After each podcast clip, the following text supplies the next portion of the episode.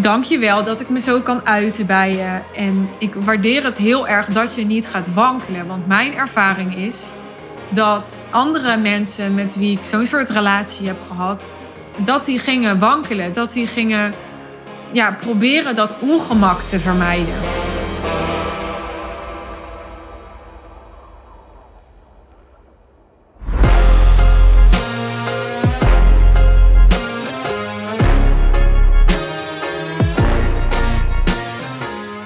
Vlak voordat ik deze podcast uh, ga opnemen, dacht ik. Nou, allereerst, ik moet daar een podcast over opnemen. Dat is meestal een van de gedachten die ik heb voordat ik dan ga zitten en ga praten. Maar ik dacht ook na over het onderwerp van deze podcast. Namelijk dat uh, mijn grootste kwaliteit ook my biggest curse is. Ja, mijn grootste vloek. En ik heb er zo'n ja, interessante dag op zitten als ik deze podcast opneem. Waarin dat zo duidelijk weer werd dat ik dacht, ik ga daar gewoon eens over praten. Ik heb daar niet uh, op voorhand een, een doel mee of een boodschap mee. Maar mezelf kennende komt die wel gaandeweg deze aflevering. En anders is het uh, in het kader van, uh, van delen, mezelf openstellen en daarmee verbinden omdat jij daar herkenning in vindt of erkenning in vindt voor iets wat je, ja, wat je herkent van jezelf. Nou, ik uh, heb een tijd geleden, een, uh, een tijd, valt wel mee, een aantal weken geleden een oproep gedaan voor een, uh, een nieuwe trainee. Die heb je kunnen beluisteren, die oproep, op deze podcast.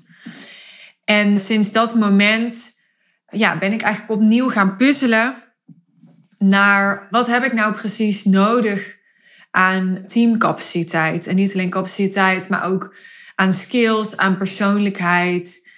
En dat is best wel een puzzel, omdat mijn bedrijf veel kleiner is geworden afgelopen half jaar.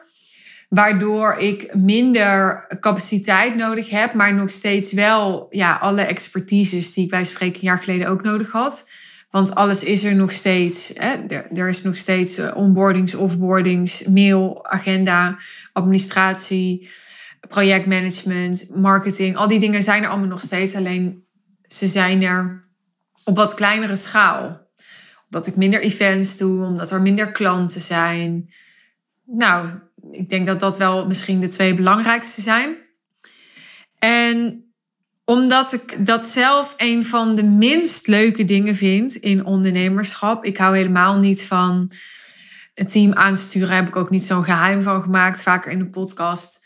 Maar ik hou ook niet, even los van team aansturen, ik hou ook niet zo van de hele de puzzel van een team samenstellen. En van, het is gewoon niet my favorite thing to do.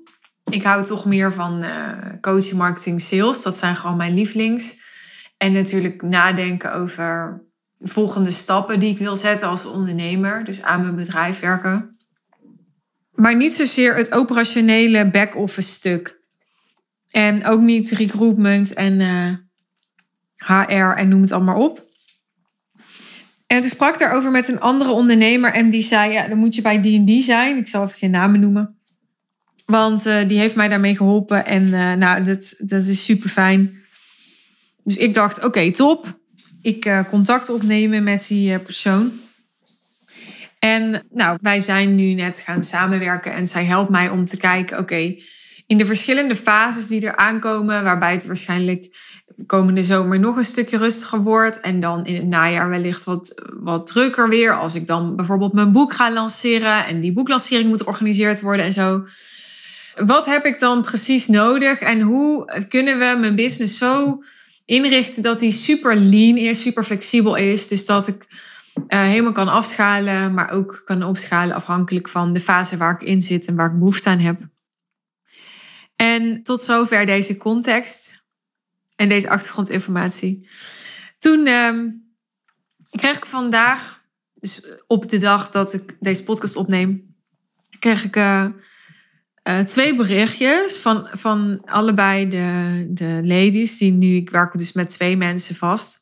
Ik kreeg van allebei een berichtje. En ik vond allebei kut. ik hou dus al niet zo van, van team aansturen. Dus op het moment dat ik van mijn team, ik ben gewoon heel eerlijk nu, hè, berichtjes krijg over. Ja, maakt eigenlijk niet uit, maar iets wat niet te maken heeft met de inhoud van ons werk. Dan kom ik al heel snel op een plek dat ik denk, ja, ik heb hier toch allemaal helemaal geen tijd voor en zin in, jongens, weet je wel. En dat heeft natuurlijk niks met hen te maken, heeft alles met mij te maken. Maar dat, dat, ik, dat is voor mij gewoon best wel een energielek. En vandaar ook dat ik dacht, oh ja, ik vind het heel overdreven om met twee mensen, eh, ja, een HR-medewerker of zo, een HR-manager in te schakelen. Maar het is wel heel fijn toch als er iemand is die, ja, die, die een beetje kan bufferen en een beetje kan vertalen. En die onafhankelijk is, die niet emotioneel betrokken is. En dus ik, um, zij had gezegd tegen mij van nou, als er iets is, je kan me altijd bellen. Dus ik kreeg die berichtjes ongeveer tegelijkertijd. Het ging allebei over hele andere dingen. Maar... En ik belde haar en ik zei, nou, jij zei toen dat ik dingen kon delen. Dus vind je het goed als ik even wat met je deel? Want ik kreeg net twee berichtjes en ja, het was goed. Dus ik deelde dat zo. En ik zei net al in deze aflevering, ja, ik vind het dan eigenlijk kut. Dus ik zit dan, ik, ik ben heel rood. Dus ik deel dat dan, ja, voor mijn gevoel helemaal niet zo emotioneel. Maar heb ik inmiddels geleerd voor het gevoel van anderen wel. Dus dat komt dan met een behoorlijke felheid eruit. Niet tegenover die HR-persoon. Ik noem het maar even HR-persoon. Als in van, ik, ik, ik uitte het wel bij haar, maar het was natuurlijk niet tegen haar. Het was überhaupt niet tegen iemand. Het was gewoon meer, ja, mijn gevoel daarbij. En om even aan haar duidelijk te maken, omdat we net samenwerken, dit is dus waar ik tegenaan loop en dit is dus wat ik lastig vind en dit is dus, nou. En toen kreeg ik een heel gesprek met die HR-dame. En een deel van dat gesprek ging over wanneer zij ja, geen goed gevoel krijgt van onze samenwerking. En wanneer ik geen goed gevoel krijg van onze samenwerking. Dus het gesprek ging voor een stukje over de inhoud van die berichtjes. Maar ging toen ook over ja, dat ik dit zo bij haar neerlegde en wat voor gevoel dat haar gaf. En vervolgens deelde ik weer wat voor gevoel mij dat gaf. En zij zei toen op een gegeven moment de woorden: Dit is waar ik heen wil. Als jij nou na dit gesprek een heel rot gevoel hebt, ja, dan moet je je misschien maar even afvragen of dan deze samenwerking wel werkt voor jou. En toen dacht ik, oh ja, dit, dit, dit is dus precies eigenlijk waar ik tegenaan loop. Want dat is waar ook mijn frustratie over ging, wat ik naar haar uitte. Zei, ja, de, de meeste mensen, is mijn ervaring inmiddels, die zitten zo in elkaar dat ze dan een rotgevoel hebben en dat ze dan daarnaar gaan handelen. En I'm not like that, zeg maar. En, en dit ligt natuurlijk genuanceerd, want ik, als ik nadenk en ga reflecteren, ga ik ongetwijfeld voorbeelden kunnen bedenken van. En ik heb het nu ook, voor de duidelijkheid, ook heel belangrijk om toe te voegen. Ik heb het nu ook over een zakelijke relatie, want privé zit ook weer heel anders, omdat ik de hele functie van privérelaties eigenlijk vind ja, dat ze je meer joy brengen in het leven en vervulling. En, maar bij zakelijke relaties vind ik dat heel anders. Want zakenrelaties zijn voor mij voor zakelijke groei en voorspoed en ehm, progressie. En om dat te kunnen bereiken met elkaar, heeft die relatie voeding nodig. Heeft die relatie wat nodig, dat begrijp ik. Maar het doel van zo'n relatie is wat mij betreft niet dat ik me heel goed erover voel dat ik in een zakelijke relatie zit met een persoon. Ik bedoel, als ik een leverancier inschakel, dan schakel ik. Ik neem even een fotograaf als voorbeeld. Ik heb echt met heel veel fotografen gewerkt, waarvan ik echt super irritant vond hoe ze communiceerden. Want het zijn vaak creatieve, ze zijn vaak best wel chaotisch. En ja, ik vind het ook niet fijn als mensen bijvoorbeeld op een event opeens beginnen over zakelijke afspraken, waar dan klanten bij zijn, is ook gebeurd. En dus er zijn een heleboel ja, situaties geweest om fotografen waarmee ik heb gewerkt, die, ja, waar ik gewoon helemaal niet blij mee was. Maar waarom schakel ik een fotograaf in? Omdat ik bepaalde foto's wil. En dat is voor mij het belangrijkste. En ja, het rest is wel binnen redelijkheid. I'll take it. En nogmaals, dat moet natuurlijk wel binnen redelijkheid. Want iemand moet ook gewoon een beetje betrouwbaar zijn. Er moeten wel redelijke kaders zijn. Ja, die niet, als die overschreden worden en daarmee wordt de rest van de voortgang van het bedrijf belemmerd. Ja, dan, dan ben je op een andere manier jezelf weer aan het afremmen in je bedrijf. Dat wil je natuurlijk ook niet. Maar ik ben dus, als het gaat om zakelijke relaties, niet zo gericht op wat de relatie mij geeft. En of de relatie mij een goed gevoel geeft. En ik vond het dus ja, terwijl zij supergoed bedoelde naar mij toe van hè, als dit gesprek je een, rot gevoel geeft. Wat het met mij deed, was ik, dat ik vooral me helemaal niet begrepen voelde. Omdat ik dacht, ja, maar dit is het exact, weet je wel. Het, het, ik, ik ga, dat is helemaal niet voor mij de graadmeter.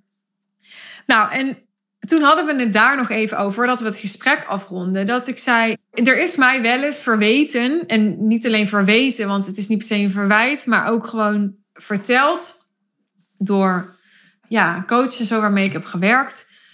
Ja, jij gaat heel instrumenteel met mensen om. Zoals ik dus ook instrumenteel met mezelf omga in mijn bedrijf. Ik zie mezelf dus als een instrument om het bedrijf te laten groeien. En mijn eigen persoonlijke voorkeur kan ik daarin vrij makkelijk ondergeschikt maken. Dat ligt wel genuanceerd, want tegelijkertijd ben ik ook het product en heb ik ook nodig niet alleen als product, maar ook als ondernemer en als leider van het bedrijf om me bijvoorbeeld gedragen te voelen. Dat is voor mij heel belangrijk. Dus ik heb zeker wel dingen nodig. En die hebben natuurlijk te maken met mijn persoonlijke voorkeur. Want wat mij het gevoel geeft dat ik gedragen word, dat uh, kan voor een ander uiteraard heel anders zijn.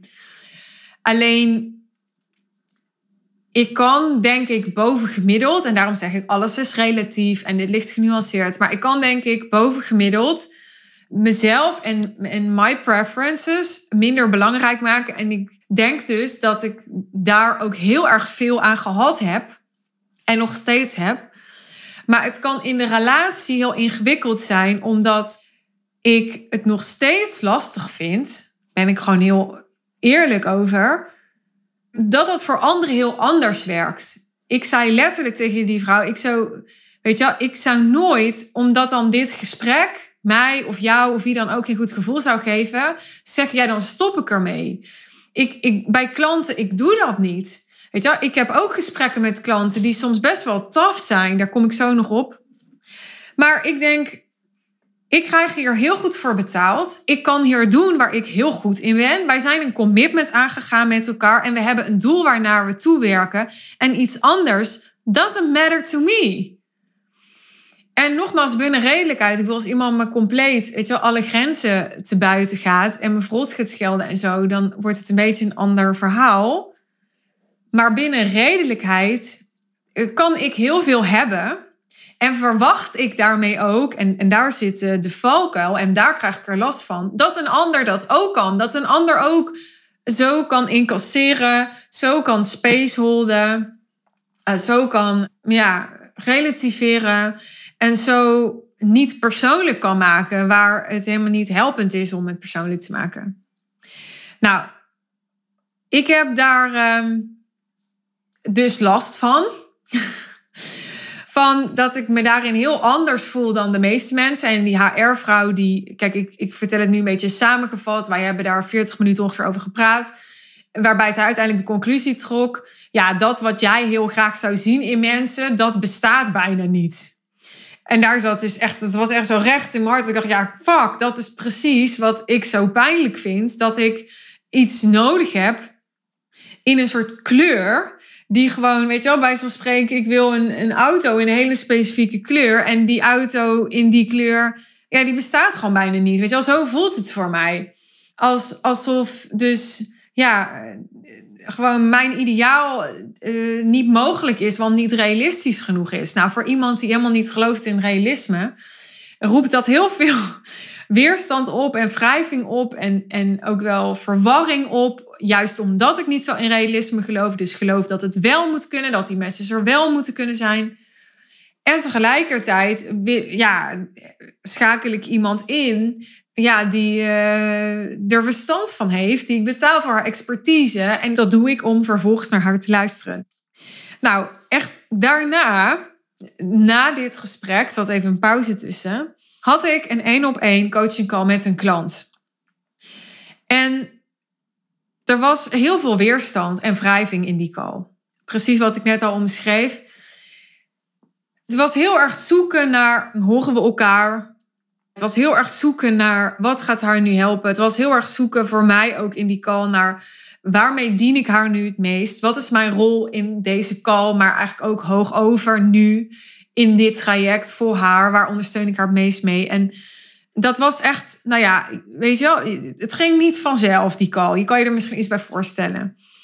En ik zei op een gegeven moment ook van, joh, weet je wel, vertrouw je me? En, en niet zozeer mij persoonlijk. Het is niet dat ik, dat ik nu van jou wil horen dat je me niet wantrouwt en dat je me vertrouwt op mijn woord. Maar ik bedoelde vertrouwen meer in, op een soort spirituele manier bijna van, weet je wel, vertrouw je het universum erop dat jij hier in deze call zit om je door mij te laten leiden of zo. Weet je wel, kan je in je vertrouwen zakken? Kan je, ik zou ook tegen haar, mijn spiritueel leraar zegt altijd: het pad is volmaakt. Dus kan je, nou, en zo'n soort gesprek hadden we.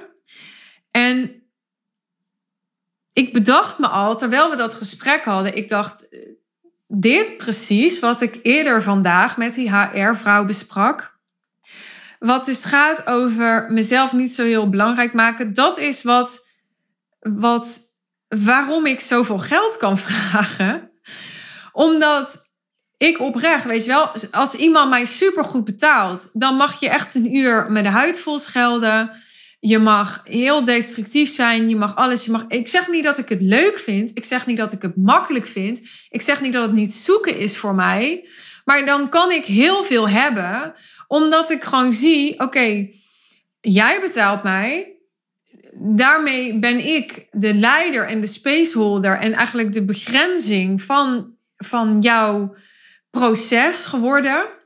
Ik weet niet of ik het dan helemaal goed formuleer. Ik doe het eventjes zo spontaan in mijn hoofd. Misschien denk ik later, nou, dat had ik heel anders moeten zeggen. En daarmee word ik eigenlijk, ik, ik noem net al begrenzing, word ik eigenlijk ook een soort muur waar je tegen kan hangen, waar je met een bal tegen kan slaan, waar je je, je veiligheid in kan vinden, omdat je op een soort, ja, je, bent dan afgebakend. Hè? Dus, dus ja, ik, ik word een soort van muur, een soort schild voor je. En uh, ik, ik ben daar helemaal oké mee. Nogmaals, ik, ik zeg niet dat het altijd makkelijk is, ik zeg niet dat het altijd leuk is. Maar ik doe mijn werk ook niet omdat het altijd leuk moet zijn. Ik doe mijn werk omdat ik het gevoel heb dat ik in wat ik doe van enorme toegevoegde waarde kan zijn. En juist op het moment dat het moeilijk wordt en ik blijf dan staan, dan voel ik heel erg, bam, daar is mijn toegevoegde waarde. Want ik voel intuïtief, ja, iemand anders die, die was nu eigenlijk gewoon afgehaakt. Omdat hij het wel persoonlijk had genomen. Of omdat hij er onzeker van was geworden. Of, nou, en we eindigden die call. Dus we sloten die call af, ik en mijn klant. En zij zei, ja, wat, wat je aanreikt hè, en hoe je me wil helpen. Ik wil dat met beide handen aangrijpen. Even los van dat we natuurlijk al samen met elkaar in een traject zitten. Maar ze gaf eigenlijk nog een keer aan van oké, ik stel heel erg op prijs. Wat je me nu aanbiedt binnen de relatie die er al is. Dank je wel dat ik me zo kan uiten bij je. En ik waardeer het heel erg dat je niet gaat wankelen. Want mijn ervaring is dat andere mensen met wie ik zo'n soort relatie heb gehad, dat die gingen wankelen. Dat die, dat die gingen ja, proberen dat ongemak te vermijden. En zij voelde dat ik dat niet deed. Dat ik gewoon bleef zitten. En ik zei het ook letterlijk tegen haar. Ik zei, whatever it takes, weet je wel. Ik heb ook gezegd, al moet ik je volgende week drie keer bellen. We komen hier doorheen. Ik ga nergens heen. Ik blijf staan, weet je wel. En, en gewoon door dat te zeggen... Ik, ik voelde van, van, het kan niet anders. Of dat gaat haar een soort uh, veiligheid en een soort kracht en een soort ja, bescherming geven. Waardoor ze weer bij haar eigen veiligheid en haar eigen kracht en, en uh, het beschermen van haar eigen grenzen kan komen. Ik doe dat dan heel intuïtief, maar ik, ik doe dat dus ook niet bij elke klant op dezelfde manier, op hetzelfde moment. Maar ik stem dat intuïtief af op wat ik op dat moment voel en innerlijk weet dat er voor die klant nu nodig is. En ik dacht, ja, dit is het precies. Aan de ene kant vind ik het super lastig dat omdat ik zo goed kan blijven staan, andere mensen veel eerder afscheid nemen. Dus de BHR-dame zei letterlijk tegen mij: uh, Ja, jij wil trouwen, maar ik wil dat niet. Want zij had zoiets van: Ik wil gewoon op elk moment kunnen beslissen: Dit voelt niet meer goed voor mij, dus ik stop ermee. En dat vind ik, vind ik dus super ingewikkeld. Daarom ga ik ook een jaar commitment aan met een klant. En ik ga dat commitment niet verbreken. Weet je wel, whatever comes in the way, whatever is becoming our obstacle, wat we dan ook moeten overwinnen met elkaar of moeten uitwerken met elkaar. Ik geef mijn commitment en ik ga niet weg. En ik heb zelf heel veel gemerkt bij mensen waarmee ik omgekeerd werkte.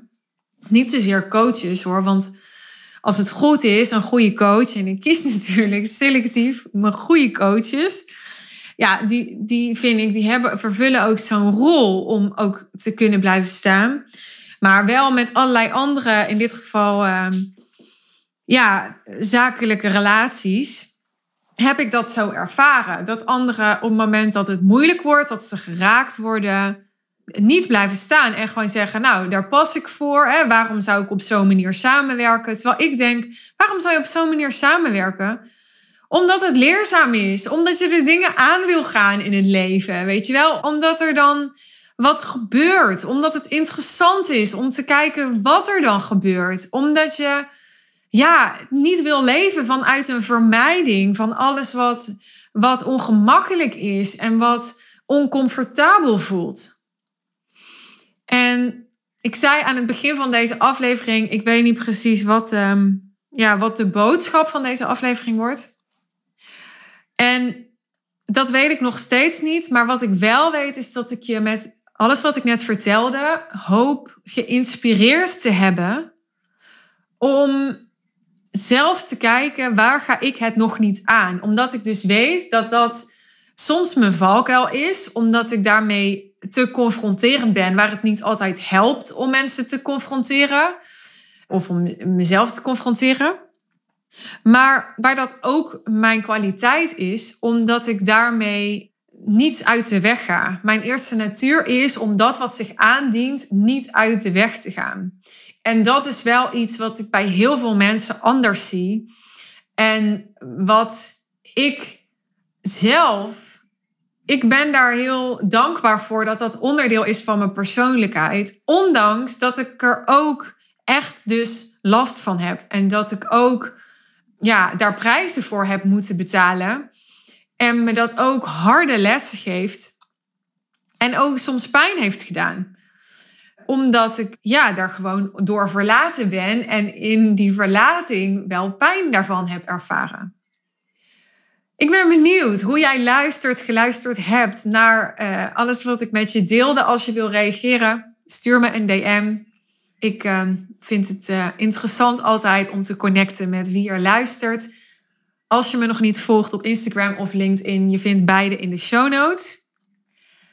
Wil je op de hoogte blijven van komende podcastafleveringen? Misschien ben je er net welkom. Misschien luister je al vaker, maar ben je nog geen abonnee? Je kunt je abonneren op de podcast via iTunes of je kunt de podcast volgen via Spotify, waar jij zelf maar ook het meest gebruik van maakt. En dan zie je in jouw um, feed tussen jouw uh, abonnementen verschijnen als ik een nieuwe aflevering voor je klaar heb staan. Dat is tot nu toe nog steeds drie keer per week. Dankjewel voor het luisteren. Ik hoop dat um, je er de volgende keer weer bij bent. Ik wens je een mooie dag, een mooie avond, misschien wel te rusten. En um, talk soon.